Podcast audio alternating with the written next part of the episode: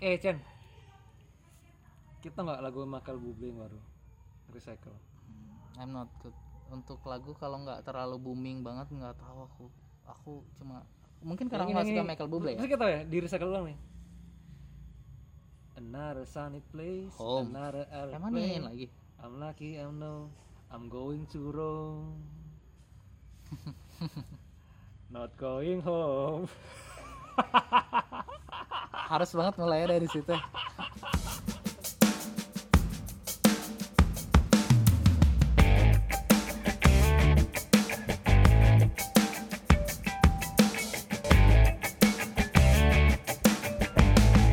ngajak podcast fans Inggris anyway Aku udah dari kemarin udah mikir ini openingnya apa ya? Bangsat. Eh, ngomong kasar Kayak nyangka nggak Inggris sampai final? Bahkan aku tadi sempat nanya sama Ke kan sebelum kita take kayak nyangka nggak Ing- eh, Italia yang bakal juara? Enggak.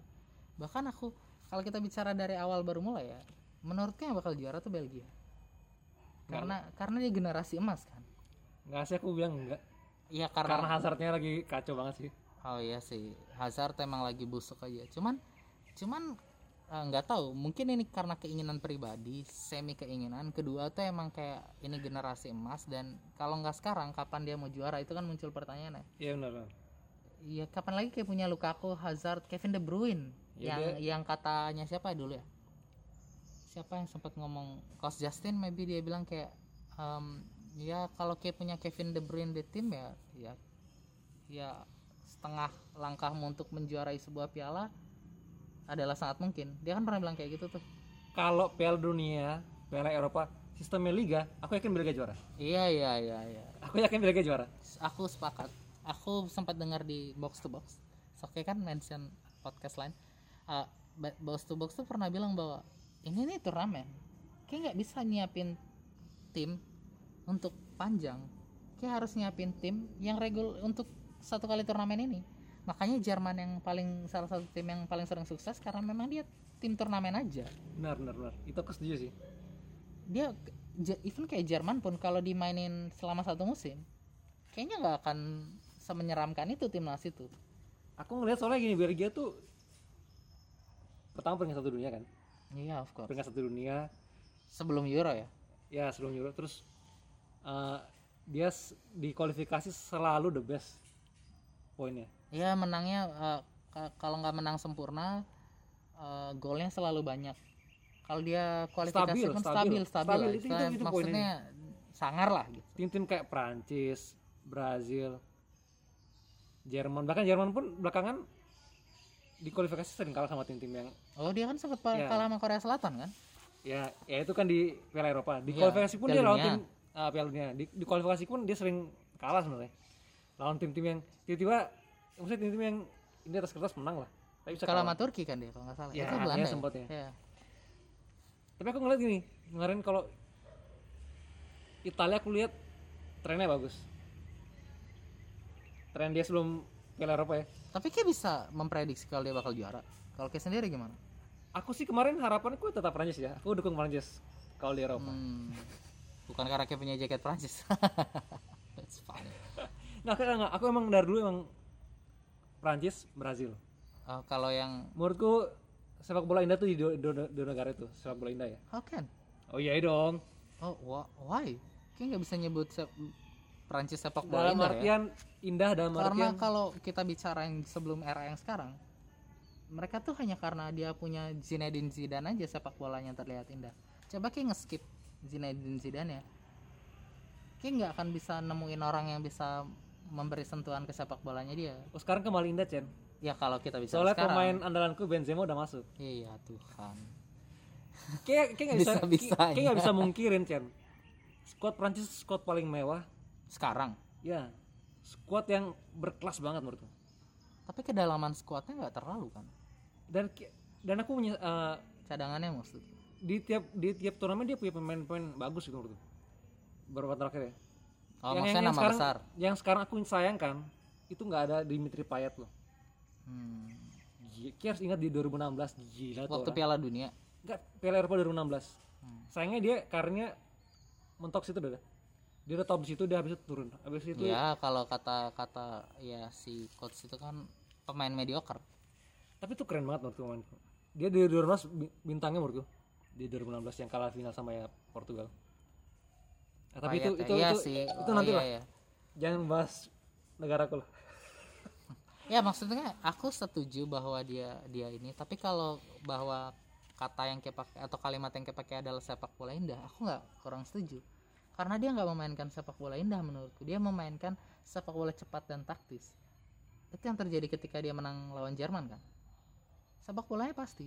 Kayak merasa penguasaan bola Jerman lebih tinggi waktu itu hanya karena Jerman sial aja makanya dia kalah karena dia Hummels nggak bisa siap sama counter attack-nya Mbappe. Waktu di Ah, iya. grup. Iya kayak merhatiin kan? Loh kayak, kayak kalau kita bicara statistik yang mega yang possession kan Jerman. Tunggu. Sebelum sebelum kita itu nggak bisa dibilang Aku dulu sepak bola suka. indah. Ya aku dulu suka karena zaman Zidane emang. Oh iya kalau itu dan oke. 2006 kayak harus ingat 2006 itu. 2016 enggak 2006 2006 Piala Dunia Jerman. Piala Dunia Jerman. Kayak harus lihat Prancis tuh mainnya cantik banget ya masih ada Zidane kan? Sir Zidane. Dan dan di Prancis menurutku eh, di di benua Eropa ya bahkan Portugal terlalu berlebihan. Kayak eh, bahkan Portugal pun cuman karena eh, Ronaldo sama Nani doang. Aku juga nggak bisa bilang Portugal sepak bola indah ya. Enggak juga. Nggak nggak juga. Makanya Brazilnya Eropa kan Portugal. Kata menur- mereka, tapi menurutku Brazil Nah, nah. Bra- karena Portugal nggak nggak Brazil banget menurutku enggak enggak Brazil banget. Menurut makanya aku kalau kalau di Jerman kan taktikal banget ya. Jerman Iya, taktikal. kan makanya dia dijuluki Der Ya. Panzer kan? Inggris terlalu banyak selebritis. Iya iya. Harus akuin itu. Ya ya. Sepak bola entertainment aja sih sebenarnya. Makanya juga aku aku sakit hati. Cuman aku aku tahu bahwa boleh nyinggung MU dikit nggak? Inggris sama MU itu sama. Dia tuh adalah tim yang punya punya punya uh, kemampuan untuk menyakiti hati fansnya kayak diangkat dulu nih. That's happen with United kemarin kan. Enggak sih menurutku medianya lebih ini. Ya itu dong maksudku. Medianya tuh ngangkat banget timnya. Kayak seakan-akan football is coming home. Padahal buh oh my god sampah. Inggris itu kalau kita bikin dalam sebuah, sebuah personal arah Jose Mourinho waktu maksudnya personal ya? Ya menurutku kema ke, ya gini deh. Kemarin tuh yang mau mau ke perjalanan ke final Piala Eropa deh. It's coming home di mana-mana loh iya ya maksudku ya seperti Mourinho aku lagi menang nih aku harus saatnya aku sombong. Hmm, jumawa lah istilahnya. Enggak enggak. Uh, Jumawa enggak tapi ini ini sa ya kalau kayak berkomedi ada waktunya untuk. Ah, ini harus lucu nih. Tapi nggak bisa Tiap sombong kalau menurutku. Nah karena kayak kuali eh, fase grup kayak menangnya satu kosong satu kosong doang. Loh, gimana? Mourinho kalau menang lawan tim-tim ini kalau dia menang dia sombong. Ya sih. Sama kalau persis. about special one ya sama persis. Jadi aku melihat Inggris tuh seperti Jose Mourinho gitu. Cannot deny. Aku punya aku menang aku punya peluang. Ini saatnya aku harus sombong nih. Tapi kalau misalnya kita bicara final kemarin tuh memang eh tunggu kita kembali dulu. Soal kan kayak bertanya ke aku tadi kayak prediksi nggak Italia juara eh juara. Terus kayak aku naik kayak kenapa aku yakin? ah kayak kayak nyangka nggak Inggris di final lah? Kalau nyangka di final iya. Tapi kalau eh, yakin juara sebenarnya enggak kayak aku bilang tadi karena aku tahu bahwa tim ini hmm, orang bilang bahwa ba- aku lucu ya. Ada orang yang sempat bilang bahwa Inggris sekarang adalah generasi emas no kayak track back aja ke tahun-tahun sebelumnya. Dulu tuh pernah ada Beckham, Scholes, Lampard, Gerrard. Itu itu emang itu terbaik kan sih. lebih generasi emas kurang emas apa generasi itu coba? Gila ya Ki. Kalau Itu- kayak itu ngebandingin sih, masa itu. Ki bisa bilang sekarang generasi emas di depan dia pakai Starling Sterling sama Foden? Terus Ki bicara itu generasi emas. That's jokes menurut. Gak bisa. Tapi- makanya aku nggak yakin dia juara. Cuman aku tahu dia sampai final. Cuman maksudnya gini loh adalah harapan sebagai orang yang ngefans Inggris dari dulu ya. Bahwa ayolah sekarang gitu. Kayak nggak pernah menangin piala Eropa loh. Piala dunia baru sekali. Sekarang lah waktunya gitu maksudnya ya kayak nggak akan nemuin generasi mungkin ya belum ya belum menemukan generasi sama eranya Wayne Rooney Beckham dan kawan-kawan. Tapi yang ini cukup menurutku untuk bisa karena ini kita bicara turnamen ya bukan per liga selama satu musim. Untuk tim ini cukup menurutku bisa. Cuman nggak tahu tapi kok eh, Inggris menurutku di jalur yang tepat loh. Untuk juara. Eh, setelah dia melewatin grup maut itu grup F tim-tim grup F. Oh maksudnya ngalahin tim-tim grup F. Dalam artian dia kan eh, punya kesempatan untuk bertemu Jerman Portugal atau Prancis. Hmm, akhirnya ketemu Jerman. Ketemu Jerman. Aku kemarin kayak kayak, kayak justru ini. aku malah berpikir kalau dia ketemu Prancis kalah dia. Tapi akhirnya dia ketemu Jerman dan dia lolos dan saat itu dia ketemu tim-tim yang sebenarnya bukan tim-tim unggulan loh. Iya kan setelah itu dia ketemu jadi aku aku kemarin itu Swedia setelah Inggris melewati Jerman aku lihat wah Italia Inggris nih. Italia karena aku lihat di grup yang tre- aku bilang tren lu dia nggak pernah terkalahkan di beberapa game. Terus ya ini kan sampai final akhirnya jadi game ke-34 dia tanpa Ya. terkalahkan kan? Di fase grup dia menang 3-0 terus iya 3-0 Menurutku- terus secara secara track ini ah ini ini dan nih ini emang udah jalan udah udah Tuhan udah kasih jalan Iya sih, cuman aku entah kenapa aku kemarin tuh nggak nyangka aja kalau dia bakal juara. Maksudnya, no, kayaknya bukan Italia deh. Even dia sempat menang 3-0 tuh, aku sempat ngeluarin statement gini loh ke teman-temanku ya. Kayak Italia hanya belum ketemu lawan yang kenceng aja, makanya dia eh, bisa menang 3-0 terus di fase grup. Eh tiba-tiba dia ketemu Belgia dan Insigne nyetak gol kayak gitu ke gawangnya keren Courtois. sekali sumpah Aku tuh langsung, damn, I was wrong. Aku salah cuy. itu down asli Belgia Gila, tuh cantik golnya. sekali Uh, aku bahkan sempat mikir itu kayak lagi ngeliat Coutinho doing Coutinho Iya. thing nggak sih kayak kayaknya aduh ngelewatin satu orang baru bola ibaratnya Ro- Robin kaki kanan iya Robin kaki kanan ya Coutinho doing Coutinho thing Robin doing Robin Kasihan dan dilakuin sama oh iya. Ya tapi ini loh Harusnya justru, justru saat kayak bilang gini baik lagi ya. Justru kalau saat kayak bilang Italia nggak teruji ketemu tim-tim yang kencang menurutku itulah ya ini jangan dikasih Tuhan. Ini anakku ini udah aku kasih jalan ini. Hai. Kayak kayak kayak bawa Tuhan hanya karena dia dari Roma. Deket lah jokes kayak eh, gini kayak ingat gak waktu Madrid musim berapa dia juara champion? Yang ke mana? Yang ke-13 yang di lawan Wolfsburg ketinggalan 3-0 di Wolfsburg dia menang 3 4 0 no, nggak ingat sama lupa ya. sekali orang-orang bilang ah Madrid juara karena jalurnya gampang. Aku aku bilang ini bukan soal jalur gampang emang udah jalannya aja. Iya iya iya.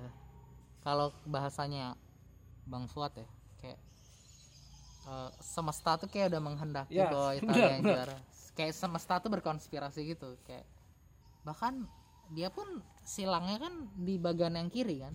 jadi semua ya, Bagian yang kiri itu berat loh, ini apa nih Piala Eropa Piala Piala Eropa. Piala Eropa ya Bagian- ya ya benar kalau benar kayak lihat bracket kiri kan. benar benar benar Lo di di bracket kiri loh ada Prancis, Spanyol, Belgia. Yang kencang-kencang di situ. Di bracket kanan, Inggris tuh lawannya kencangnya cuma Jerman. Dan akhirnya di, se- di semifinal dia ketemunya sama Denmark. Eh, Easy. Ing- I- I- Italia sebenarnya berat juga ya tapi di, se- di, di semi ketemu Swiss benar ya Iya, iya, iya. Semi Swiss ya Oh enggak, semi bukan Swiss, Bos. Um, Swiss nggak sampai semi dong. eh kemarin mulai 16 besar Belgia Italia Belgia ketemu Italia kapan sih Semi kan Italia Spanyol. oh iya Ita- oh benar benar ya Ya, oh ketemu berarti Italia Swiss? di per 16 besar. Karena ketemu Belgia itu setelah ketemu Belgia ketemu Wah, Spanyol berarti gila juga Italia berat-berat ya. itu maksudku. Dia tuh ada kalau ki- kita bilang tadi bahwa semesta membantu dia jalurnya berat bos. Berarti bahkan sebenarnya- kayak anti klimaks ketemu terakhirnya Inggris. berarti sebenarnya setahun kau Inggris. Cuma maksudku gitu. cuma Inggris? Emang ampas nggak nggak say it say it katakan aja nggak apa-apa bukan ampas, emang emang ampas udah dikasih jalan, supporternya melagun robos stadion. bukan hanya sekadar ngedawar stadion mereka merusak apa pun Ibaratnya udah kasih ah udah ibarat ibarat banget. Berarti kalau kalau dibilang layak juara Italia layak juara banget. ya.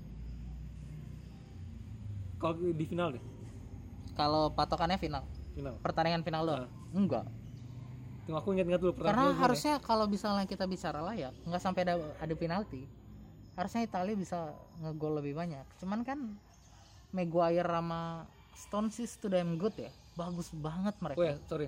mereka dua pertahanan terbaik menurut Kenapa aku final kenapa aku ingat Aku lupa aku babak kedua ketiduran. Bangkit. kok bisa kayak nonton final ketiduran Ya, maka aku paling ya benci karena kalau bukan Perancis ya enggak karena nontonnya di HP loh. Kalau di, di rebahan kan anyway kayak kan bisa buka Mola TV mu di PC lah buka di laptop malah males ya. oh oke Dan- ya kalau- memang ya memang kalau ke bukanya di di handphone aku terjadi. Dulu kan aku suka Mola TV buka di handphone ya nonton MU kan.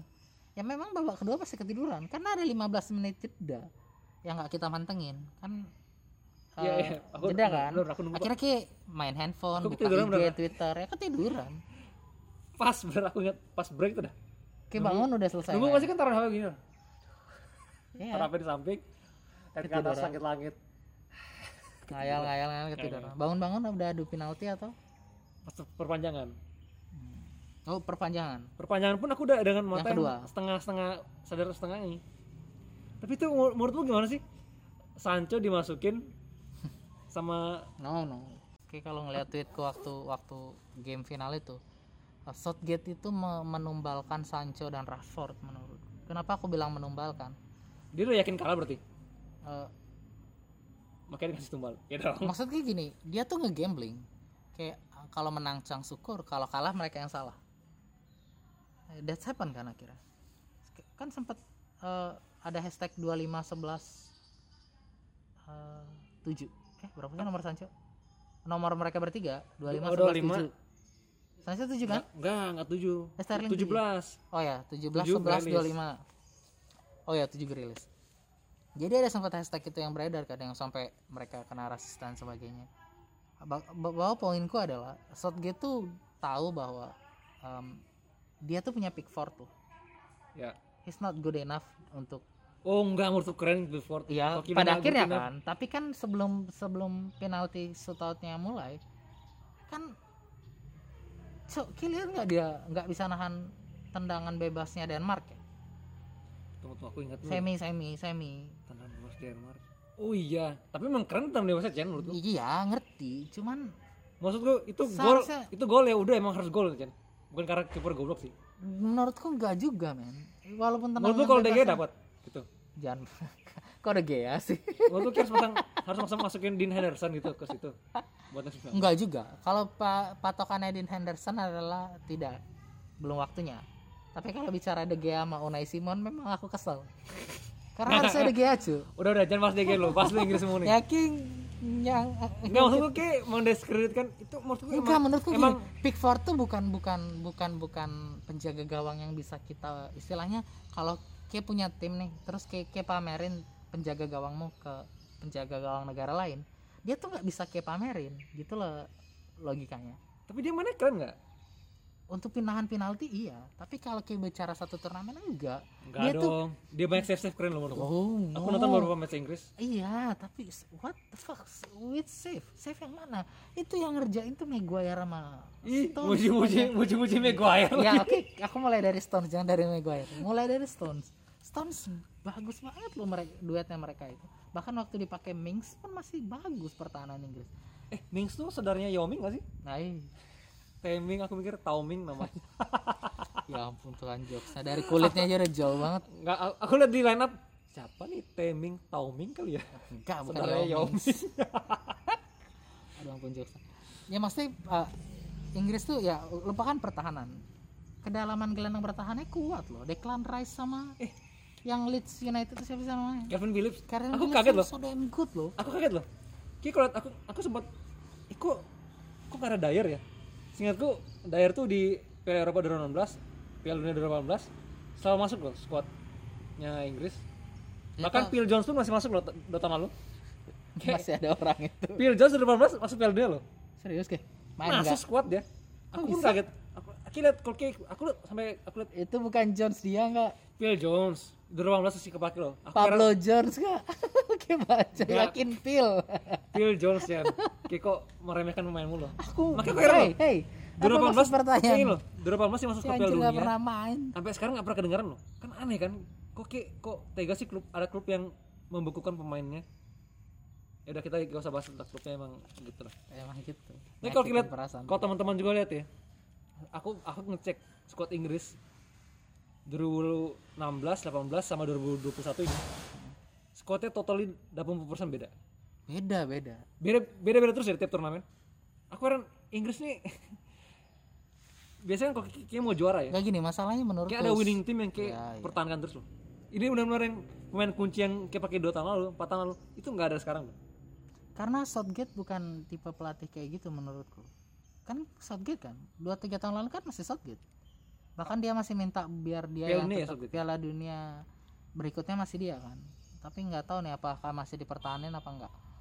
Karena begini, dia bukan tipe pelatih kayak Joachim Low. Jadi kayak ya Joachim Low kan pada akhirnya tetap ngebawa Toni Kroos kan.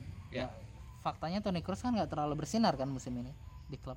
Oh, jangan salah, Bos. Trio Modric, Kroos, Casemiro. Iya maksudnya nggak sementereng Ya, musim-musim karena- sebelumnya karena, ya, karena udah tambah tua aja kan. Enggak, karena Martial pun lagi turun. Iya, faktanya tidak mentereng kan. Ya. Tapi dia tetap bawa, even dia tetap bawa Muller kan pada akhirnya. Come on, Muller loh, Dia udah tua juga sih. udah tua. Itu ber- tipe pelatih kayak Joachim Low tuh kayak gitu. Pelatih kayak Enggak. uh, Gini, maksud, Martineznya Belgia pun begitu. maksud Tapi gua gini. Maksud gitu. gini. Saat Dia Jerman percaya pemain muda. Gitu. ini emang emang udah lewat masanya Jerman juara. Saat Jerman Jerman menuju 2014, Piala Dunia berhasil. menuju menuju juara, akhirnya dia juara. Itu kan dia membawa pemain-pemain yang dia udah didik dari 2010. Ya itu maksud poinku tadi. Nah, maksud gua gini loh. Joachim Low adalah pelatih seperti itu. Southgate enggak. Kan kayak bilang tadi, oh, pemainnya beda-beda. Ya memang Southgate bukan kayak gitu. Ntar uh, Piala Dunia berikutnya berapa nih? Sekarang 2000 2022 tahun depan. Hmm, Masih jadi tahun depan nggak tahu ya. Kayaknya sih jadi. semoga jadi lah. ya. Semoga jadi ya. Tahun depan Piala Dunia 2022. Southgate akan bawa pemain lain lagi. Kenapa? Karena Southgate adalah tipe orang yang suka pemain muda dan yang bersinar di di musim itu. Makanya dia bawa si Phillips Phillips dari Leeds United itu kan. Aku kaget tuh, tuh Kevin Phillips sama Iya, ya, Declan Nah Rice. sekarang kalau Declan Rice dan Phillips nggak bersinar musim ini nih, musim ini besok berjalan, out lah ya. nggak bakal dibawa. Nggak ada dia pikir, oh kayak ini ini label timnas atau kayak Indonesia lah. Ada pemain di negara kita kan dijulukin pemain label timnas kan. Karena Southgate benar-benar. adalah orang yang nggak terserah musim ini kenceng dia yang datang. Berarti tahun depan menurutmu Pemain pasti ganti lagi. rombak rombak total ya? Roma kalau Declan Declan Rice dan si Kelvin Phillips itu bisa bersinar, mereka bertahan. Tapi kalau besok ternyata pemain lain lagi yang bersinar, ya pemain lagi yang dapat tempat yang lain. Tapi aku aku melihat Declan Rice sama Kevin Phillips tuh elegan ya. Elegan. Makanya aku bilang keren. kedalamannya bagus.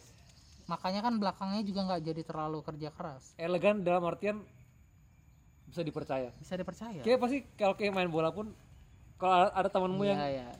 leng Mereka berdua bagus banget di situ di posisi udah itu. kita tenang Ya loh. tenang gitu. Tenang. walaupun kayak salah kontrol salah passing nggak apa-apa bola hilang dia rebut lagi buat kill lagi sebenarnya kan di posisi itu kan bukan hanya mereka berdua doang kan Ba- ada loh satu pemain cuman akhirnya tenggelam kan karena nggak pernah main Dean Henderson pun eh Dean Henderson Jordan Henderson pun Liverpool Iya iya.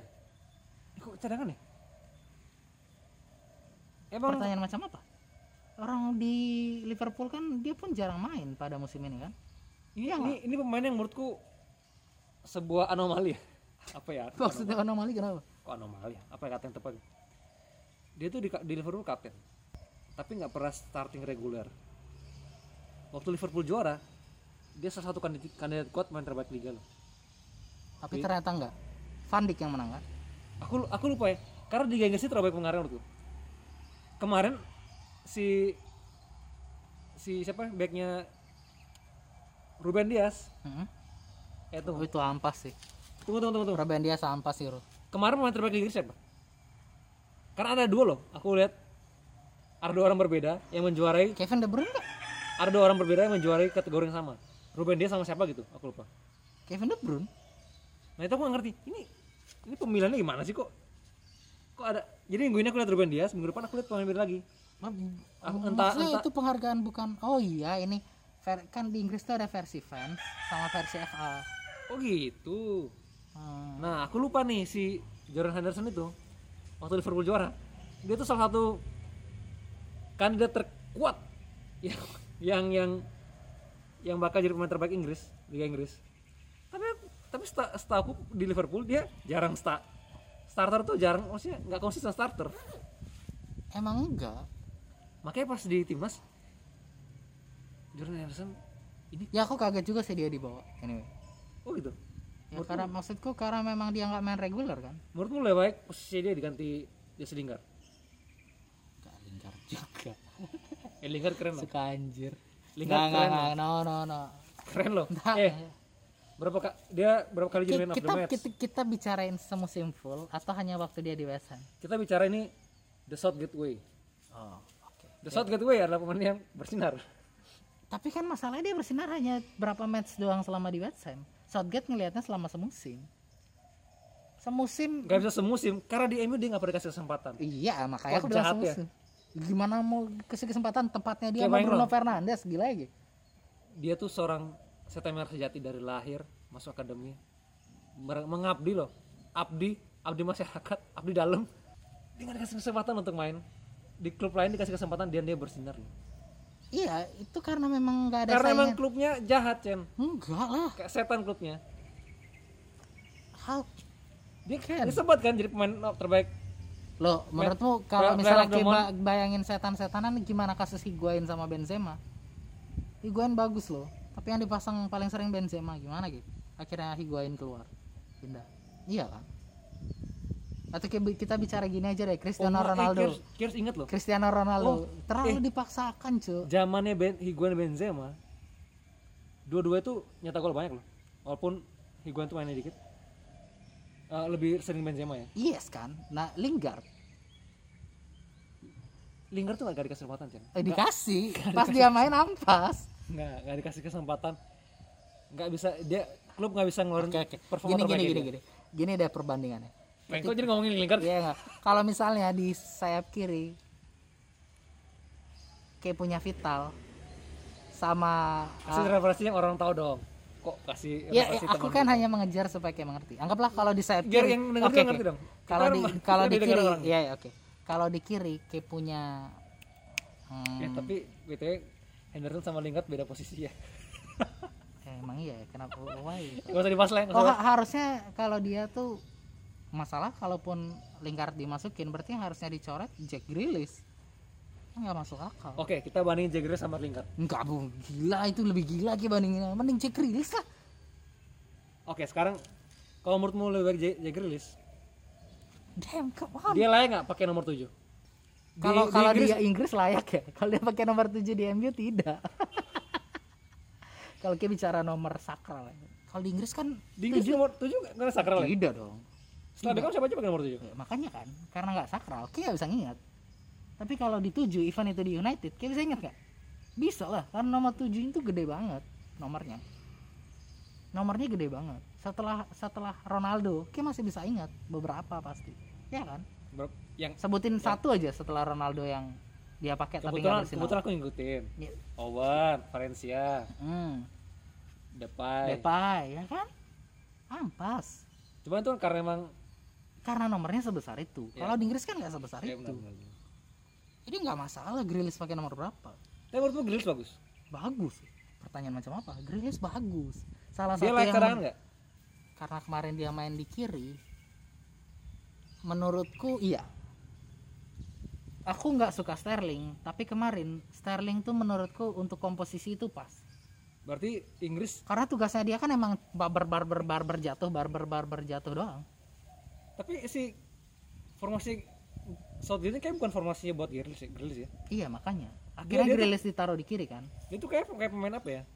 Kayak Totti lah ya. Grealish Yang yang dua satu orang di belakang dua striker. iya ya dia kan nomor 10 kan Kayak gitu kan dia. Iya, Grealish nomor 10. Cuman kak, makanya dia akhirnya masuk. Itu dia dia tuh Southgate adalah tipe orang yang nyari pemain yang bisa dua posisi menurutku ya. Makanya Grealish dibawa. Karena selain kalau misalnya situasi nggak memungkinkan dia masukin jadi nomor 10, kalau situasinya ya biasa-biasa dimainin di kiri. Karena dia nih Aston Villa ya? Aston Villa kan ya? Ya Aston Villa Aston Villa dia juga beberapa kali kan pernah main di kiri. Sayap kiri pas. Posisinya dia benar. Makanya aku pengen sebenarnya dia ke MU karena perpaduannya dengan Luxau kayaknya asik. Kayaknya asik ya. Ya nggak usah lah nggak usah ngurus pemain lah Hey, orang nggak ada yang tahu aku Bruno. yakin nih kalau Varane ke MU jelek mainnya. Yakin aku. Kele, Varane bakal main bagus banget di United. Karena dia bakal jadi ya maksudnya Varane jadi bulan-bulanan media. Tapi gini kalau kita bicara Varane Maguire yang main sebagus itu di Inggris di MU pun sering dibully. Jadi koran bully.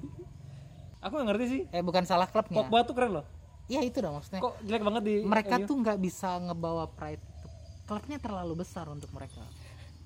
Lopez kan nggak terlalu besar Cek. iya tapi tetap aja gitu harus sadar diri. Ya maksudnya klubnya itu pernah punya nama besar jadi kayak itu beban aja. Kayak dia Ini salah apa? passing aja deg-degan gitu loh. Apa pemain yang jelek atau soalnya kayak kayak lihat Pogba di iya oke kita nggak usah jauh yang pot ba- bagus banget. Prancis tuh keren banget loh. Daniel James sama Lindelof aja Lindelof di Swedia bagus banget.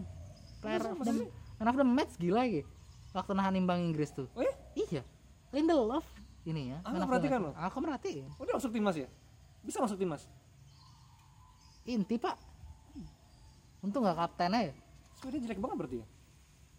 Bukan Swedia yang jelek. Lindelof aja masuk bagus Lindelof di Swedia. Sama kayak bilang oh gitu? tadi iya. Oh gitu? Aku aku nyari validasi aja ini. Iya, oh, Lindelof tuh bagus. Ya aku mencoba Main iya aku mau mencoba memvalidasi Tapi kalau lagi ya. main rutin di klub emang jelek? Ya berarti bukan tipe pemain yang bisa main sepanjang satu musim. Itu pembenaran pertama. Oh, gitu. yang kedua beban lambang lambang setan di dadanya itu nggak kuat dia. Ini sebenarnya setan itu untuk pemain sendiri tuh gimana sih? Terlalu berat aja. Ngebawa ngebawa nama besar klubnya itu terlalu berat Nggak bisa bilang dia bukan klub besar lagi. He still. Kalau kita bicara musim lalu dia klub besar. Karena runner up liga. Aku aku baru pertama kali dengar klub besar karena dia sebagai runner up. Aku biasanya kalau dengar tuh klub besar karena dia standarnya adalah juara loh. Kok standarnya turun loh sebagai runner up? Itu udah pencapaian terbaik lah beberapa tahun ini asli. Klub besar klub besar tuh nggak ada yang bilang kami baik karena kami runner up itu nggak ada sih. Kami orang terbaik terbesar karena kami juara. Nggak pernah denger sombongnya fans Arsenal sebagai sebagai atau fans Tottenham. sebagai Gila, fans pun udah legowo loh. Ya, ya, iya aku udah legowo. Makanya aku bilang tadi di awal kan Inggris sama MU itu punya kemampuan yang sama untuk menyakiti perasaan fansnya. Coba bayangi football coming home di mana mana posternya pak di Inggris. Tiba-tiba kalah. Dan menumbalkan tiga aku sepakat poin ini untuk Jose Mourinho. Jose Mourinho bilang aku tuh mungkin bukan pelatih yang bagus-bagus amat tapi aku nggak cukup bodoh untuk menggunakan anak muda yang umurnya belum matang menendang penalti. Nggak. Kayak masih punya Declan Rice loh. Ini even, bukan soal even masih ada Jones dan Luke Shaw. Secara tenis pun eh Stones sorry aku Jones. ngelihat waktu yang kok yang nendang pemain pengganti itu pun udah nggak masuk akal. Iya kayak dia belum Secara- panas loh. secara- iya. dua-duanya lagi aku ingat tuh waktu uh, Piala kalau kiper masih oke lah ya. Piala Eropa 2008 aku aku paham ini. Waktu itu Belanda lawan siapa gitu? Belanda masukin pemain-pemain yang eh Belanda apa? Bukan ya? Jangan Belanda. Belanda masukin tim Krul untuk ganti Scotland bukan bukan bukan, bukan zamannya bukan zamannya Van Gaal waktu 2014 itu. Jadi aku ini lama aku itu dah dia jadi pelatih itu masukin main cadangan. pemain cadangan di menit injury time. Untuk nendang penalti. penalti aku ingat tuh Robben entah di timnas Belanda atau di Chelsea ya? Nggak masuk. Nggak masuk. Ya memang susah man dan itu dari situ pun ini ini ilmu lama loh. Yang aku bukan aku bukan aku orang yang profesional bola pun aku tahu gitu kayak nggak bisa masukin pemain yang baru main belum di, masih dingin badannya. Dua ban dua menit gila. Kayak ma- kayak terus kayak suruh dia penalti makanya aku bilang ditumbalin kan. Dan itu aneh numbalin loh itu misteri loh menurut lo. Kenapa dia pernah ngeluarin statement gak sih menerangkan kenapa dia dia masukin nggak pernah dia nggak Southgate tuh bukan tipe pelatih yang menjelaskan apa pun. Dia tuh bukan kayak eh, Mourinho. Kayak hobi ngobrol di media aja. Dia tuh pelatih yang diam aja diam menurut gue itu misteri loh. Para Jack Grealish bilang dia udah ready nih kalau Iya. kan banyak yang bilang kan kok Grilis nggak nendang? Nggak siap ya? Grilis jawab aku siap ketika aku udah pakai baju timnas ini aku siap untuk Ya, nendang aneh loh itu aneh loh keputusan dia mengganti Hendersonnya aja itu menurutku aneh. Kayak nggak bisa berharap kesambat di- setan gak sih? Tahu ya. emang kalau kita bicara universe lagi emang konspirasi aja bahwa Italia yang bakal juara. Southgate aneh loh. Ini orang aku eh aku yang aku yang fans MU aja itu nggak seneng waktu dia masukin Sancho sama Rashford. Karena kita tahu nggak Rashford dimasukin buat jadi bek kanan. Kayak masih nonton kan? Udah udah melek kan Ki? Ya. Ki punya empat bek kanan. Kayak kalau memang betul-betul butuh ini bek kanan Ki punya empat Ki sadar kanan gak sih ini konspirasi untuk menghancurkan pemain MU biar Rashford makin ampas biar Sancho makin ampas dan Sterling selalu inti. Southgate tuh fan City. Southgate fan City. Konspirasi itu loh. kalau misalnya dan dia numbahin pemain Arsenal loh. Udah paling menderita satu musim. Pemainnya dibikin ada temanku lucu ya temanku lucu ngejek Sancho sama uh, Rashford. Dia lupa kalau si Saka pemain Arsenal. Dia fans Arsenal. Aku bilang ki buta apa gimana? Nggak tapi itu nendang tapi Saka tuh Arsenal. tetap ada pembelaan. Masih di bawah umur.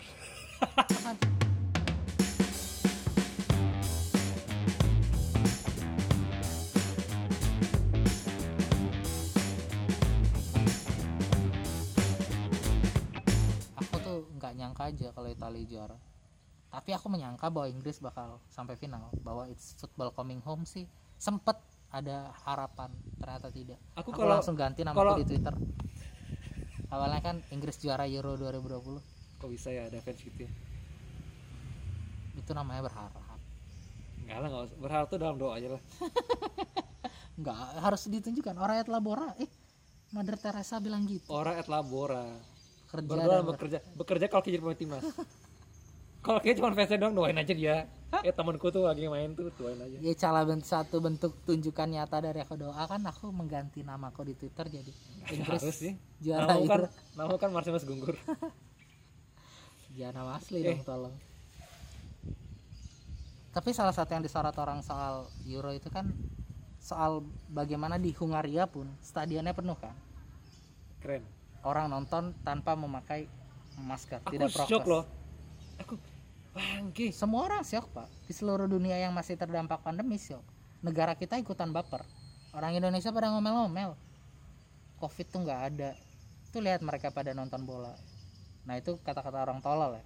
Yang yang nggak sadar diri. Yang nggak sadar diri. Mereka nggak sadar. Orang-orang ini udah vaksin. Mereka udah di lockdown. 60% loh. Hah? waktu Ru- Rusia lawan eh Rusia lagi. Hungaria. Hungaria lawan Inggris itu. Eh kok Inggris? Prancis Prancis aku baca berita itu udah 60% loh ini bulan lalu ya? Mungkin hari ini ya tepat hari ini bulan lalu. Dan 60% masyarakat Hungaria itu udah vaksin. Ya walaupun kita harus tahu Hungaria kan nggak gede banget ya. Iya, masyarakat cuma berapa puluh juta mungkin. Ya. kayak ada orang tapi udah 60% di- mereka udah hampir herd immunity 70% 70% ya. herd immunity 70% udah vaksin udah bisa herd, herd immunity. Aku pun kaget loh. Bangke di Hungaria udah kayak gini. Dan dan saking lama kita nonton bola nggak pernah lihat stadion seramai itu itu.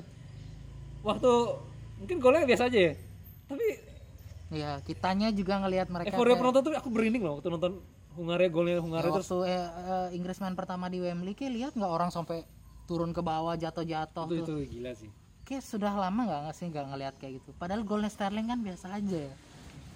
Si ampas itu tapi ini gol semifinal eh pernah pertama ya match pertama dia di Wembley kan bukan semi perempat ya. Satu kosong aja kok menangnya kalau nggak salah. match Eh bukan satu satu satu satu match ke enggak enggak, Eh, enggak. seri-seri baru menang. seri baru menang. Inggris kan seri-seri baru menang. Yang gol dulu Denmark kan yang Iya, tendangan iya. bebas tadi. Sebenarnya sebenarnya kalau disamain, Buh, orang pada jatuh-jatuh gila. Gila, gila. kalau di Inggris aku sih nggak nggak nggak nggak nggak kaget karena emang begundal aja Ya emang batu. rakyatnya. Yeah. Kira tahu supporter Inggris kan Hooligans. ngawur-ngawur kan. versus Ultras. kalau di Hungaria anjir. Iya maksudku kenapa orang akhirnya kayak ngomel kok dia bisa kok dia bisa? Oke jangan bandingin sama kita. Mereka tuh masyarakat yang taat disuruh vaksin dia vaksin tanpa bicara konspirasi dan bilang ada chip lah di dalamnya. Itu yang pertama. Yang kedua mereka tuh juga masyarakat yang taat sama pemerintahnya terlepas dari pemerintah yang bagus apa enggak ya. Dia tuh taat karena ketika masyarakat dia bilang jangan nongkrong nggak nongkrong gitu ya tapi kan itu ya kalau kita bicara ke pan- kita masuk ke pandemi sekarang. Itu tuh menurutku kenapa kenapa aku nggak pernah mau nyalahin sepenuhnya pemerintah? Kan banyak orang yang masih sampai hari ini tuh ngotot bahwa udahlah Indonesia lockdown aja lockdown sebulan dua bulan kelar. You can say that untuk negara kita. Nggak bisa. Kita tuh nggak bisa lockdown. Negara kita tuh nggak cukup mampu untuk lockdown negara yang lockdown kita bicara Australia aja ya. Temanku tinggal di Australia bikin tweet beberapa hari yang lalu. Seminggu lockdown kan eh, di Virginia ya? Australia aku lupa nama daerahnya. Itu udah mulai bukan Amerika ya? ada juga. Oh, ada juga ya? ada. Dia tinggal di Brisbane. Pokoknya dekat sama daerah itu. Daerah itu udah gede covidnya naik lagi. Padahal naiknya nggak banyak. Di sana tuh naik 20-30 orang tuh udah panik di sini kalau belum 5000 belum panik. Di sini kalau belum nganter temen ke kuburan aja. belum panik. Sana baru naik 30 negara eh, negara bagian sebelahnya Brisbane itu. Itu mulai lockdown lagi. Nah di sana tuh kenapa aku bilang dia negara bisa lockdown? Semua warga negaranya yang di lockdown di rumahnya itu didata sama dia. Kayak kerjaanmu apa? Anggaplah kayak pedagang. Dia karena temanku kerjanya jadi kerja kayak perusahaan farmasi biasa dia dapat tuh 1500 dolar selama seminggu. Dari Waduh, di lockdown selama tujuh hari. Dapat 500 dolar dari negaranya. Nah ada yang dapat lebih gede. Kenapa dia lebih gede? Karena dia pengusaha toko. Dia dia yang punya tokonya. Dapat subsidi. dapat subsidi lebih gede. Kenapa? Karena dia itu satu-satunya penghasilannya dia. Kalau temanku tadi masih digaji kan? Iya, iya benar. kan dia cuma dipotong seminggu doang. Tiga minggu sisanya ini. Jadi dia bukan si pemilik usaha. Jadi dia bukan dapat uang harian gitu loh Iya, iya benar. jadi subsidinya lebih gede. Kenapa aku nggak sepakat negara kita di lockdown? Nggak bisa ikut-ikutan sama orang yang emosi sesaat bilang udah lockdown aja lockdown aja. Karena nggak bisa cuy negara kita. Nah sekarang tiba-tiba di lockdown nih. Emang pemerintah mampu nih masih orang-orang yang dagang di pasar? Gojek yang nga- nga- ngandelin uang dari orderan sopir taksi yang nunggu penumpang doang baru dia bisa makan satu hari sama istrinya. Nggak bisa. Negara kita nggak bisa jangan kan itu negara kita aja sombong. Bisa ngasih BLT 300 ribu buat masyarakat yang terdampak pandemi. Kenapa aku bilang sombong? Di TV tuh sempat ada eh Mata Najwa Mata Najwa TV One lupa. Sempat dengan bangganya aku lupa tuh anggota DPR apa menteri yang ngomongin soal BLT 300 ini. Presenternya kebetulan pinter. Ini baru-baru ini. baru-baru ini se- seminggu lalu. Podcast ini tanggal 20 Juli ya. 20 berarti Ya. sekitar kemarin tanggal 21 apa 22 jadi si talk show live TV nah si presenter nanya kan dia ngebanggain soal di 300 terus kan? Ditanyain soal kebijakan apa ini yang terbaru apa itu aja terus diungkit. Akhirnya si presenter dengan cerdasnya bertanya oh jadi bapak pikir kan PPKM kita berapa hari ya? Udah dari tanggal 3 sampai 20 tuh berapa hari? 17 hari dua minggu lebih. Ditanya oh jadi menurut bapak 300 ribu itu cukup untuk menghidupi satu keluarga selama 17 hari? Aku kira 300 ribu tuh per hari loh. enggak selama PPKM ini Bisa sih kalau makan Indomie ya. fuck, Indomie doang Ya mungkin dalam pemikiran dia. iya kalau kayak sendiri cu satu keluarga Indomie harganya 3000 ribu satu iya kayak nggak pernah 1500 belajar nih Hah? 1500 gak sih? 3000 cu Satu bungkus. 2600 sekarang satu bungkus kalau kayak beli di warung 3000 udah Udah. pernah beli mie lagi ya ki Udah, udah lama sih gak makan. iya 2600 sekarang sebungkus Ya nggak 3000 dong, 2000-an lah. kalau kayak beli di warung aku kan bilang tadi belinya Oh, iya. kalau grosir satu dus 1600 kalau kayak beli eceran di warung satu biji 3.000 3000 kali- sekeluarga misalnya kayak enam orang bapak ibu anak empat 3000 kali 4 eh kali 6 6 kali 3 18 kan? Satu keluarga 18.000 ribu. 16 6, 6 satu keluarga berapa orang? 6 orang. 6 orang kali 3000 3000 18000 kali 3 18.000 kali 3 kali makan. Dikali dah tuh. Iya nggak bisa. Makanya nggak bisa tiga ribu gila ya kayak kayak banggain apa? Makanya aku bilang orang yang ngotot lockdown itu juga salah. Kalau kita ngotot masyarakat harus vaksin aku pun ngotot. Kalau bisa tiga kali vaksin tiga kali dah aku mau vaksin. Berangkat aku. Karena kita emang harus vaksin. Tapi kalau kita ngedesak negara kita buat lockdown sekalian kan dibilang aduh ppkm percuma. Dan akhirnya pak luhut minta maaf kan. Bilang maaf ya ternyata nggak efektif. Ya memang nggak efektif. Yang efektif lockdown tapi negara nggak mampu lockdown. Jangan tekan negara kita untuk lockdown. Nggak bisa. Ki bisa ngasih apa negara lain tuh nge-lockdown. Tentaranya keliling pak. Kita pernah ngobrol ini di podcast dulu awal-awal kan? Yang pertama apa kedua yang ngebahas covid dulu Iya kita iya ngobrol. iya. aku bilang "Wah, negara tentaranya itu keliling bawa sembako ke negara ke rumah-rumah. Dikasih no ini jatahmu untuk hari ini. Ntar sore aku datang lagi ya. Buat jatah makan malam. Datang naruh lagi. Sebulan lockdown. Negara-negara besar seperti Hungaria Ivan itu yang mereka lakuin Terus kita mau lockdown. Gila ya kayak menurutku udah telat sih kalau lockdown ya? Udah satu udah telat dua nggak mampu nggak mampu. Kalau dulu gini kita aku juga 200 juta kayak kali gila Aku mungkin dulu- masih makan orang kayak 200 pernah ngobrol juga di podcast yang waktu pertama yang kedua kali podcast kedua tuh. Aku pernah ngomong juga kenapa nggak lockdown itu waktu di Depok pertama kali kena ya? Iya ya itu karena kalau itu aku nggak mau nyalahin ya. Tapi menurutku uh, itu kita momen di mana kita dalam tanda kutip kayak Inggris juga tadi sombong. Belum Ingat nggak state- statementnya Menteri Menkes kita di awal-awal yang masih Pak Terawan ya? Soal dia bilang bahwa "Oh, ini COVID nggak akan pernah nyampe ke Indonesia. Mungkin baru nyampe Singapura sama Malaysia udah mati penyakitnya. Negara kita kan kuat.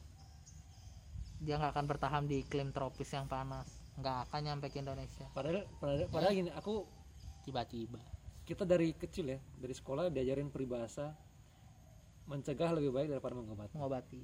Sedia payung ya? sebelum hujan. kenapa nggak terapin ya? Ya maksudnya gini kalau kita tahu bahwa negara lain udah mulai kehujanan kayak beli dong payung. Iya. karena mikir kali aja ntar hujannya nyampe sini. Ya kalau nggak usah deh lockdown. Dulu waktu itu ya. Lockdown kan masif satu negara kayak tutup aja bordernya dulu waktu itu deh ya aku juga mikir sehingga orang luar tuh nggak bisa datang sehingga dulu si ibu yang ngedance sama temennya dari Jepang tuh nggak akan ngedance aku kan itu juga kan awal. ya, bener Sen, aku juga sempat yang aku sempat ngomong ke kayak lockdown itu juga waktu tahun lalu itu Iya. maksudku adalah itu nutup negara kita dari negara luar Iya, bukan Mungkin, lockdown. ya karena kita lo- nutup border doang. minimal itu loh minimal Minimal itu, itu langkah awal aja deh. bahkan kalaupun di Depok udah kena langkah paling cepat itu adalah lockdown lockdown Depoknya, Depoknya. doang. Karena kalau ngasih makan Depoknya kan sama tutup mampu tutup kan? Jawa Ya itu masih oke. Kegedean lah Jawa. Depok tuh mana sih? Jawa Barat ya? at least kalau Apa gini, masuk provinsi Jakarta ya Depok? Depok tuh Jawa Barat. Karena udah nggak Jabodetabek ya. Udah Depok keluar kan. aku anak siapa Aku Di- kalau di- ngomongin loh, Depok jadi Tayu Ting Ting ini. di Jakarta nggak diakui di Jawa Barat agak jauh Ya, itu di antara aku soalnya. anak siapa ya betul betul iya ya, poinnya itu. Jadi kayak ya aku setuju sama Ki. Kalau seandainya ini tutup border lockdown Depok doang. Bisa Sama aja. Depok sama aman kita Jawa selain gini loh Jawa Barat aja gini, deh gitu. Supaya nggak lari sampai Jawa Tengah. Eh, gini loh apa dan kalaupun Jawa dibuka untuk arus pengiriman barang logistik sipil nggak boleh keluar Jawa ya logistiknya doang. Jadi Jawa Jawa itu jadi terpusatnya lockdown di di di Depok. Tapi daerah konsentrasi keseluruhannya itu Jawa. Iya Jawa. Jadi kita kan fokus di Jawa doang. Dan Bali udah harus tutup. Ya Bali tutup. Seandainya itu maksud kalau Januari dulu itu. Kan Januari pertama kasusnya Januari masih di luar. Nggak sih luar Februari tuh- sampai kita ya? Seingatku tuh kita mulai Februari Februari di Korea mulai nyebar. Uh, terus kemudian kita mulai menyatakan covid dan akhirnya kita udah mulai pertama kali WFH kan Maret? Setelah nyepi kan? Eh sebelum, pasca, nyepi. Sebelum se- pasca tuh. sebelum nyepi. Karena nyepi jadi nambah dua hari kan gara-gara covid. Nggak tahu Ki? harusnya nyepinya cuma sehari. Pasca duluan ntar nyepi duluan nih? Barengan nggak? Jadi ketika Maret lah ya Maret. Lah. intinya Maret Uh, kalau seandainya waktu itu border kita tutup dari Januari aja terus kemudian ini kita BTW kita udah ngomongin dari, ta- dari tahun lalu lah ini dari tahun lalu. Ini topik lama kita eh, naikin lagi. In case kalian nggak denger. Harus denger dong udah nonton. Tapi ini lebih detail lah lebih detail. Oke, jadi maksudnya seandainya waktu itu ditutup bordernya lebih awal dan kemudian Depok di lockdown pada bulan Maret aja nggak akan menyebar. kan lebih gampang ya? Lebih gampang ngasih makan satu satu De- satu Depok tuh apa sih kecamatan kabupaten? itu. kecamatan ya? eh itu kecamatan ya Iya Ya, kecamatan, iya, iya, kecamatan. kecamatan. Satu kecamatan itu doang. Bisa harusnya negara. Andainya seandainya Bisa loh. Ih, bisa lah. dan Dana Covid yang harusnya keluar ber triliun-triliun sekarang kalau cuma dikasih makan untuk Depok gumuh masyarakatnya gendut-gendut. Malah seneng Malah seneng. ya nggak kerjaan tapi dapat duit Iya makanya kan, tapi cuma satu daerah itu aja dan kita nggak berdampak semuanya sampai sekarang. Kita nggak sesedih ini kan. kok kok aku tahun lalu aku sempat ini bahkan tahun lalu aku udah mikir aku sempat bilang kayak, kayak, kayak, kayak juga kita ini punya banyak ahli loh kok yang kita yang kepikirin ini nggak dipikirin mereka sih Ya itu dah maksudnya kita tuh negara yang terpaku sama kebijakan tuh sistemnya kan masih kayak eh, administratif ya. Jadi mungkin ahlinya berpikir, tapi kan yang boleh nutup bukan dia.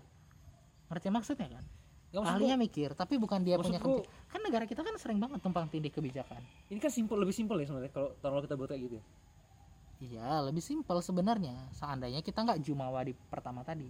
Seandainya Pak Terawan nih aku bukan bermaksud nyalahin tapi poin ini memang keliru dia menurut. Statement stat- atau statementnya dia Ah, gitu loh. seandainya dia nggak jumawa dan bilang bahwa kita akan kebal sama covid masyarakatnya dari awal pasti coba kita udah ditakut-takutin dari awal. Kalau ini virusnya ngeri banget bukan takut-takutin ya. Di dikasih awareness, awareness penyakit seperti apa. Oke, oke. dia aware- awareness aja bahwa ini penyakitnya berbahaya dan bla bla bla.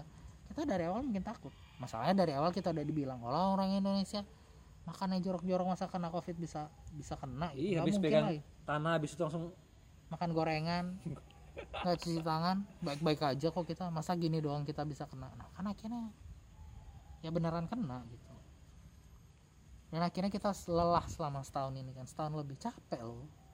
Padahal kayak bisa- masuk di fase kayak aku sekarang gak sih? Aku tuh sekarang mau baca berita tentang covid aja udah males banget loh Kayak udah capek aja. Aku baca berita sekarang kesel sama warga negara kita sih. Masyarakatnya masyarakat yang aku kesel. Sejak awal kan memang masalahnya ada di masyarakat kita. Gini gini apa ya? Aku gini kita flashback tahun lalu. Kitanya aja nggak bisa diatur. Aku masih ingat tuh PSBB eh tunggu dulu.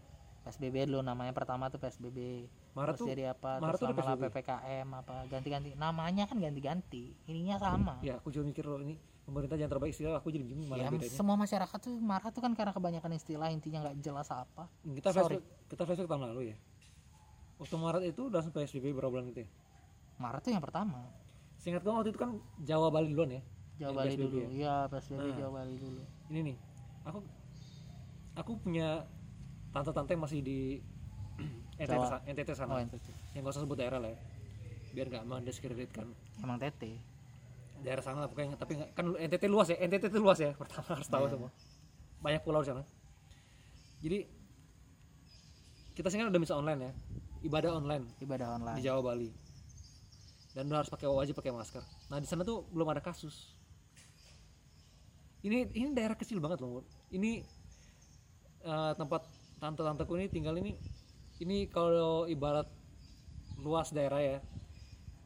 Jalan Sudirman dan Pasar ini dari fotokopian Resman sampai di Karyawata itu jalan besarnya doang itu dong itu dong segitulah. Sekecil itu berarti daerah? Sekecil itu. Itu kecamatan Jalan- jalan atau kelurahan? Ah, jatuhnya Kelurahan kecamatan, masih kecamatan sih. Oh masih kecamatan. Jadi dari sekecil itu awalnya emang nyantai aja ini ya. Jadi eh, nggak ada covid eh nggak ada kasus belum ada korban. Padahal di Jawa Bali udah ini. Maksud aku pengen menggambarkan betapa kita tuh nggak emang nggak emang nggak peduli aja. Emang udah acuh aja Bang. sifatnya sifatnya. Seandainya aware masyarakatnya Ya. di sana pun udah Nah. sedia payung kan istilah harusnya di sana udah jaga diri dong pakai masker. Karena aku mendengar mau kan sering telepon teleponan. Sana oh sini aman kok baik aja.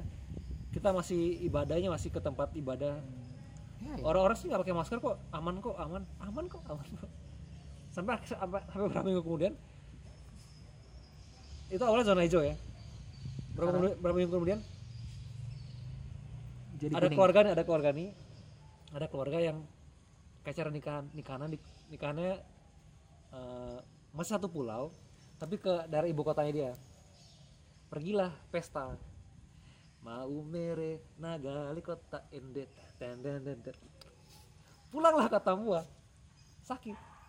Ya elah. sebarin lah setelah, setelah, setelah cek kok kena covid nih? Mbak, eh, keluarga ini. Kamu tuh susah PSBB gak bisa ke mana-mana ya? Eh, untungnya keluarga ini keluarga kaya banget loh. Dia charter pesawat ya anjir. Charter pesawat khusus mereka keluarga sendiri loh. Buat bawa mereka ke Jawa buat berobat. berobat. Maksud gini ini. Karena di daerah juga belum ada kasusnya jadi nggak tahu penanganan ya gimana kalau sekarang nyalain pemerintah tuh ngapain sih? Ngaca aja lah. Iya itu. Aku sepakat. Ngaca aja kebangetan kalau kita nyalahin sepenuhnya ke pemerintah. Bahwa pemerintah juga punya andil dalam kebijakan yang istilahnya serba abu-abu iya. Tapi bukan berarti kita bisa nyalahin mereka sepenuhnya. Bukan abu-abu. Emang trial error aja nih. Karena pertama kali ngadepin kayak gini kan. Trial and error. Ya yang aku bilang tadi bahwa nggak ada negara yang benar-benar siap. Cuman paling nggak kita tuh kayak tegas kalau menurutku menurut tuh gini Jen sebenarnya mas eh, kalau dibilang pemerintah ini sekarang jahat ya kat. Dalam tanda kutip ma- masyarakat di di sosmed ya bilang jahat banget sih nih ppkm kita nggak bisa makan nih. Kan harus ingat loh psbb itu masih bisa buka loh. Restoran segala macam masih bisa buka. Iya iya. Dikasih napas kok kayak dikasih napas tapi emang kayak nggak bisa menjaga diri. Iya iya masih nongkrong ke warkop? Kasih nongkrong. Dikasih nongkrong. Eh mau eh kayaknya nggak apa-apa nih. Kayak nongkrong nurunin Nongkrong. masker. Nggak pakai masker. Eh, bahkan di tempat yang live musik sering aku lihat teman-teman yang ada story storynya yang di tempat live musik masih dugem gila. Nyanyi rame-rame aduh gila aku bilang. Melunjak gitu loh. Saat psbb kita kita sama-sama tahu udah teredukasi. Harusnya nggak boleh. Virusnya gini seperti ini cara dia nyerang dan cara kita me- memproteksi diri seperti ini kan kita tahu sama-sama tahu. Di- kita tetap kasih napas kayak bisa ber, ber- berputar lah roda ekonomi tetap ber- dikasih jalan loh. Nggak lockdown loh. Tapi kayak ngelunjak gitu loh. Sekarang menurutku ya kok sekarang kayak bilang pemerintah tuh nggak nggak mampu menangani covid. Menurutku sekarang cara berpikir gini loh negara melihat warganya adalah kayak rakyatku ini nggak becus jaga diri. Jadi ya udahlah aku juga. Gini. Neg- aku melihat rakyatku tidak becus menjaga diriku. Daripada dia melukai dirinya udah ppkm darurat. Karena selama ini kayak tapi dikasih kan Pak Luhut pun bilang itu nggak efektif kan? Sebelum sekarang ini ya. Hmm. setelah berjalan beberapa minggu. Berapa minggu ini. Tapi memang karena sebelum ppkm ini kasusnya kan gila. Iya ya naik lagi kan? Kasusnya naiknya gila Enggak, aku nggak Dan mencoba negara- mendiskreditkan kan, tapi klasternya kan muncul setelah orang-orang pada mudik kan. nah ini itu juga That's the fact. Kita nggak boleh deny. Kita nggak boleh marah. kita harus sadar diri gini loh udah tahu Jelas-jelas dilarang mudik boleh. mudik itu udah berapa bulan Terabas barikadenya. mudik mudik kita tetap ngeyel terus kan kita nyalain pemerintah kita lihat negara sebagai bapak kita sebagai anak bapakmu nih udah ngasih ki udah kisah namain tapi ki jaga diri tapi kok makin lama makin destruktif loh Iya iya. Ki nggak bisa jaga diri dan ki nggak mau tahu ki nggak mau ki dan ki nggak mau jaga diri sekarang yang ngebacot nyalain pemerintah ki harus sadar diri ki itu anak durhaka Iya ya. Tapi yang tetap kesalahan bapakmu. bapakmu Harusnya gini nih pak. Harusnya bapak ngasih taunya gini. Jangan cuma ngelarang. ki itu kayak Bapak ibarat tuh harusnya ngikutin aku. itu kayak di film-film lo yang film yang film-film yang anak-anak remaja labil tuh loh ya banyak lah kalau remaja labil bapaknya kan cuma kan sering lihat kalau anak-anak yang kabur dari rumah Iya iya. iya. yang yang padahal bapaknya tuh bapak ibunya tujuannya baik tapi dia nggak mau dengerin bebal aja Dan aku harus mikir yang orang-orang yang yang di sosial media nih kita sadar diri aja selama ini seberapa seberapa sih kita aware jaga diri kita sampai negara harus nyuruh kita nggak boleh ke mana-mana karena negara tahu kita nggak bisa jaga diri yang harusnya minta maaf itu warga kita ya Iya iya. Makanya harusnya kenapa jadi Pak Luhut yang minta maaf? Nah, maksudnya ya masyarakatnya. oh. iya kenapa Kenapa PPKM-nya nggak efektif ya karena masyarakatnya masih ah, kenapa psbb nggak efektif karena masyarakatnya tidak taat sekali karena masyarakatnya tidak taat. harusnya harusnya Jangan nyalain pemerintah. harusnya teman-teman Ayo yang teman-teman yang kemarin sering melanggar kita tuh bukan orang yang ini ya, bukan bukan buzzer pemerintah ya. Tapi emang benar. melihat aku melihat gini aku aku berani aku merasa aku punya hak untuk marah sama pemerintah. ah, enggak sama yang yang sering marah-marahin pemerintah Iya. karena gini aku aku pribadi aku kan usahanya jualan baju ya. aku udah setahun lebih nggak nerima customerku masuk ke dalam uh, tempat aku jualan Jadi jualannya online aja. jadi Take orang away nih. ya take away aku sistem take away kayak drive thru nya McD dah Gokil. setahun lebih loh tanpa disuruh pemerintah bahkan kesadaranmu sendiri bahkan sebelum berarti. PSBB aku udah kayak gitu. Sebelum PSBB itu artinya aku udah melihat nih virusnya seperti apa. Daripada aku repot aku kena udah aku menerapkan pada diriku sendiri. Ini setiap orang punya cara sendiri sendiri tapi aku melihat aku bisa cara kayak gini nih aku survive dengan cara gini. Setahun lebih loh. Ini jadi aku beradaptasi gitu. Aku berhak marah dong sama kalian-kalian yang Masih acuh. Yang acuh terus dikasih ppkm ngeyel marah-marah nggak bisa nyari rezeki. Kalian harus ingat pem- stand kemarin tuh pemerintah tetap ngasih ngasih ruang untuk kalian nyari rezeki lo nggak perlu nutup kayak ppkm iya iya iya. kalau ppkm ini kan nutup total. Nutup ini benar-benar keras lah sekarang ya pemerintah. keras. Karena kalau iya, psbb itu kan masih lunak. Kan orang lunak, makan di tempat tempat kopi masih buka. Hanya dihimbau untuk menjauhi kerumunan. Dihimbau loh jadi kalau mau dibilang minta maaf karena tuh dalam hati harus minta maaf. Ya, kita yang harus minta maaf sama Harus pemerintah maaf. ya. Nggak nggak kamu pemerintah ke, ke saudara-saudara kita yang udah berpulang loh. Iya. ke nakes juga yang repot. Ya, Kasihan loh dan mereka. kier lihat itu benar nyusahin hidup ini loh. Udah nakes ada orang pulang udah udah ada orang yang berpulang berpulang ke rumah Tuhan. Ini ada orang yang belum bisa pulang-pulang ke rumah sendiri loh. iya. Nakes nakes dan kemarin Pak Luhut minta maaf ya menurutmu dia menurutmu dia perlu nggak sih minta maaf? Pak Luhut Em, gini. Kadang tuh pemerintah eh, istilahnya harus responsif. Jadi kan ini masa yang sulit ya. Ya maksudnya kita semua sulit. Dan masyarakat jadi lebih sedikit sensitif dan cepat marah-marah. Kadang pemerintah harus mengambil kebijakan yang strategis lah. Contohnya kayak meminta maaf sesimpel itu pun itu anggaplah kita semua terluka. Tapi pemerintah mencoba untuk mau minta maaf sama kita itu sedikitnya mungkin meringankan beban. Walaupun nggak nggak sepenuhnya tapi paling nggak kita ngerasa oh ya berarti pemerintah tahu mereka salah dan mereka minta maaf sama kita. At least itu aja. Kalau menurutku ya aku jadi aku sepakat minta maaf karena bukan karena aku sepakat pemerintahnya keliru karena seperti yang Ki bilang tadi kita nggak semua tuh nggak ada yang siap sama pandemi ini termasuk pemerintah. Mereka juga bingung mesti ngapain. Tapi mereka udah mau minta maaf kita harus hargai dan aku sepakat gitu. Tapi kayak, kayak responsif aja gitu. Tapi menurutmu po- masyarakat yang aku sering lihat di Twitter itu yang sering nyala- nyalain pemerintah khususnya apa mungkin ini karena Pak Luhut yang minta maaf? Kalau orang lain yang minta maaf misalnya orang lain yang di luar orang lain yang menjabat posisi Pak Luhut yang minta maaf apakah akan kita sebut nama aja ya. Kalau yang minta maaf Pak Ganjar atau Pak Ridwan Kamil mungkin nggak tahu Nah, dalam artian- gimana dalam artian karena kalau- mereka orang-orang favorit. Ya mungkin kita pernah bahas ya pernah bahas orang-orang lovable. Ya lovable lovable ya apakah karena Pak Luhut tidak lovable? Tentu makanya tidak. Oh, nggak lovable ya? Tidak. Come on. Ya maksudnya um, dia tidak lovable. Tapi fakta bahwa dia powerful iya dan kita nggak bisa deny bahwa dia powerful. He's powerful man. He's powerful. Menurutku sih ada ada sisi dia tidak lovable. Makanya enggak hampir semua sisi karena menurutku man. karena karena itu jadinya waktu dia minta maaf kesannya ah nggak nggak tulus nih masa baca baca teks? Minta maafnya. Iya sih. Tapi tapi menurutku sejarahnya emang orangnya kenapa dia nggak lovable ada ada sisi yang dia nggak lovable. Nggak mungkin karakternya aja ya kalau menurutku ya aku nggak mau ngebahas yang lain tapi menurutku karakternya aja. Kalau keinget kasus dia ribut sama Ratna Sarumpayat itu aku aku nggak ngikutin. Itu gimana kasusnya? ya pokoknya intinya dia ribut soal apa nih? em, aku lupa detailnya itu kasusnya apa. Pokoknya terkejadiannya tuh di daerah Sulaw- Sumatera. Ini kapan nih? Udah lama banget. Jauh sebelum pandemi.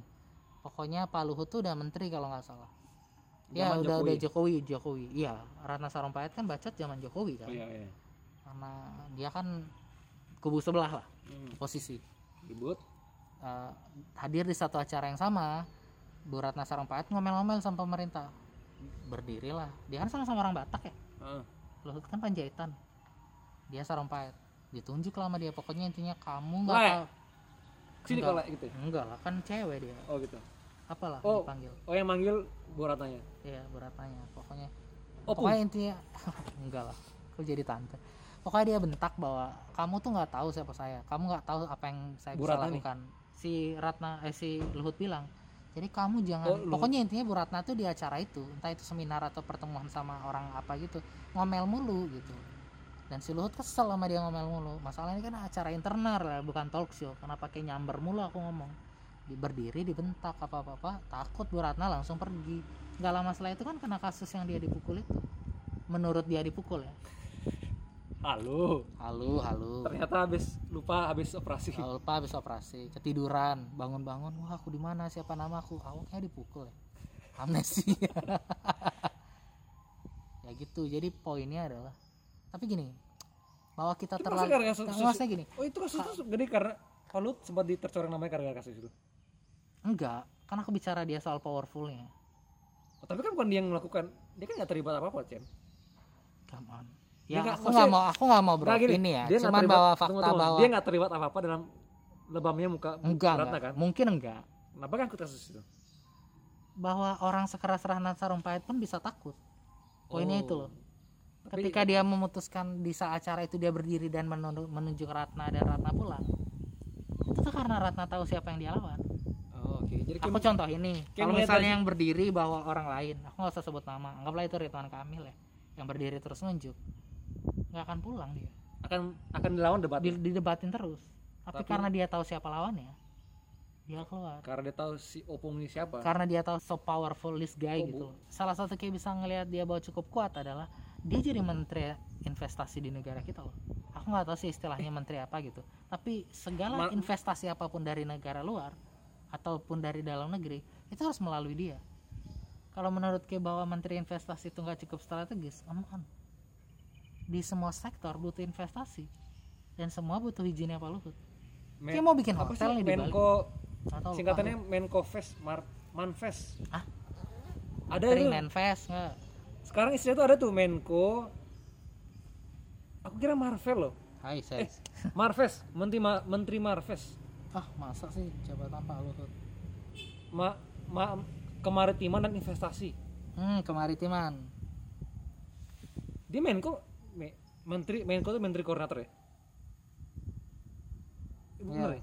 Menteri Koordinator Bidang Kemaritiman Iya Menteri Man Marves aku ini kenapa jadi ada Marvel Marvel Uni- Universe Iya? Menko ya Marve, Marves Menteri Koordinator Bidang Kemaritiman dan sekarang lagi pakai Jan Indonesia. di di di sosmed tuh Marves disingkat. Hmm, wow. maritim dan invest jadi dia Kevin Feige. Keren juga ya. Iya, iya. kayak kayak Paul Luthi banyak haters gitu kayaknya. Banyak banyak. Pak Luhut tapi banyak. maksudku maksudku gini. Kayak uh, uh, aku nggak melihat dia di hate. Dia di hate aku melihat. Dibenci dia aku aku melihat dia dibenci. Tapi aku nggak aku nggak melihat kenapa alasan dia dibenci itu aku sempat bertanya-tanya tuh di di sosmed. Ini Pak Luhut salahnya salahnya apa sih? Dia cuma minta maaf loh nih kok disalah ya. Sampai kemudian aku nggak aku nggak menemukan alasan dia dibenci ya. Tapi aku kemudian melihat beberapa orang yang muncul dengan dengan argumen membela dia. Karena harus tahu loh kalau Pak Luhut itu ya salah satunya orang yang pengen lockdown. Iya dia dia dia dia, orang yang salah satunya di kabinet yang kita harus lockdown pak pak pak Jokowi kita harus lockdown. Tapi yang lainnya nggak nggak bisa kita lockdown nih ekonomi ekonomi kacau katanya segala macam ntar kerusuhan lah. Ya kalau tahun lalu kita ingat ya sempat di sos- di grup WhatsAppku ada di, di grup WhatsAppku ada yang bilang gini gua nggak bisa gitu be kalau kita lockdown bisa kerusuhan di mana-mana. Nih." ekonomi tidak kacau ada- stabilitas tidak ada- kacau katanya gitu. tidak ada solusi yang baik gitu. Maksudnya lockdown kesannya gegabah karena pemerintah tuh nggak bisa menjamin ketika di lockdown orang makannya gimana Hmm. ini dan sebagainya. Tapi sekarang banyak yang bilang kenapa nggak lockdown aja sih kan kesel ya? Nah itu udah aku nggak ngerti. Karena orang-orang tuh mungkin karena banyak mau loh.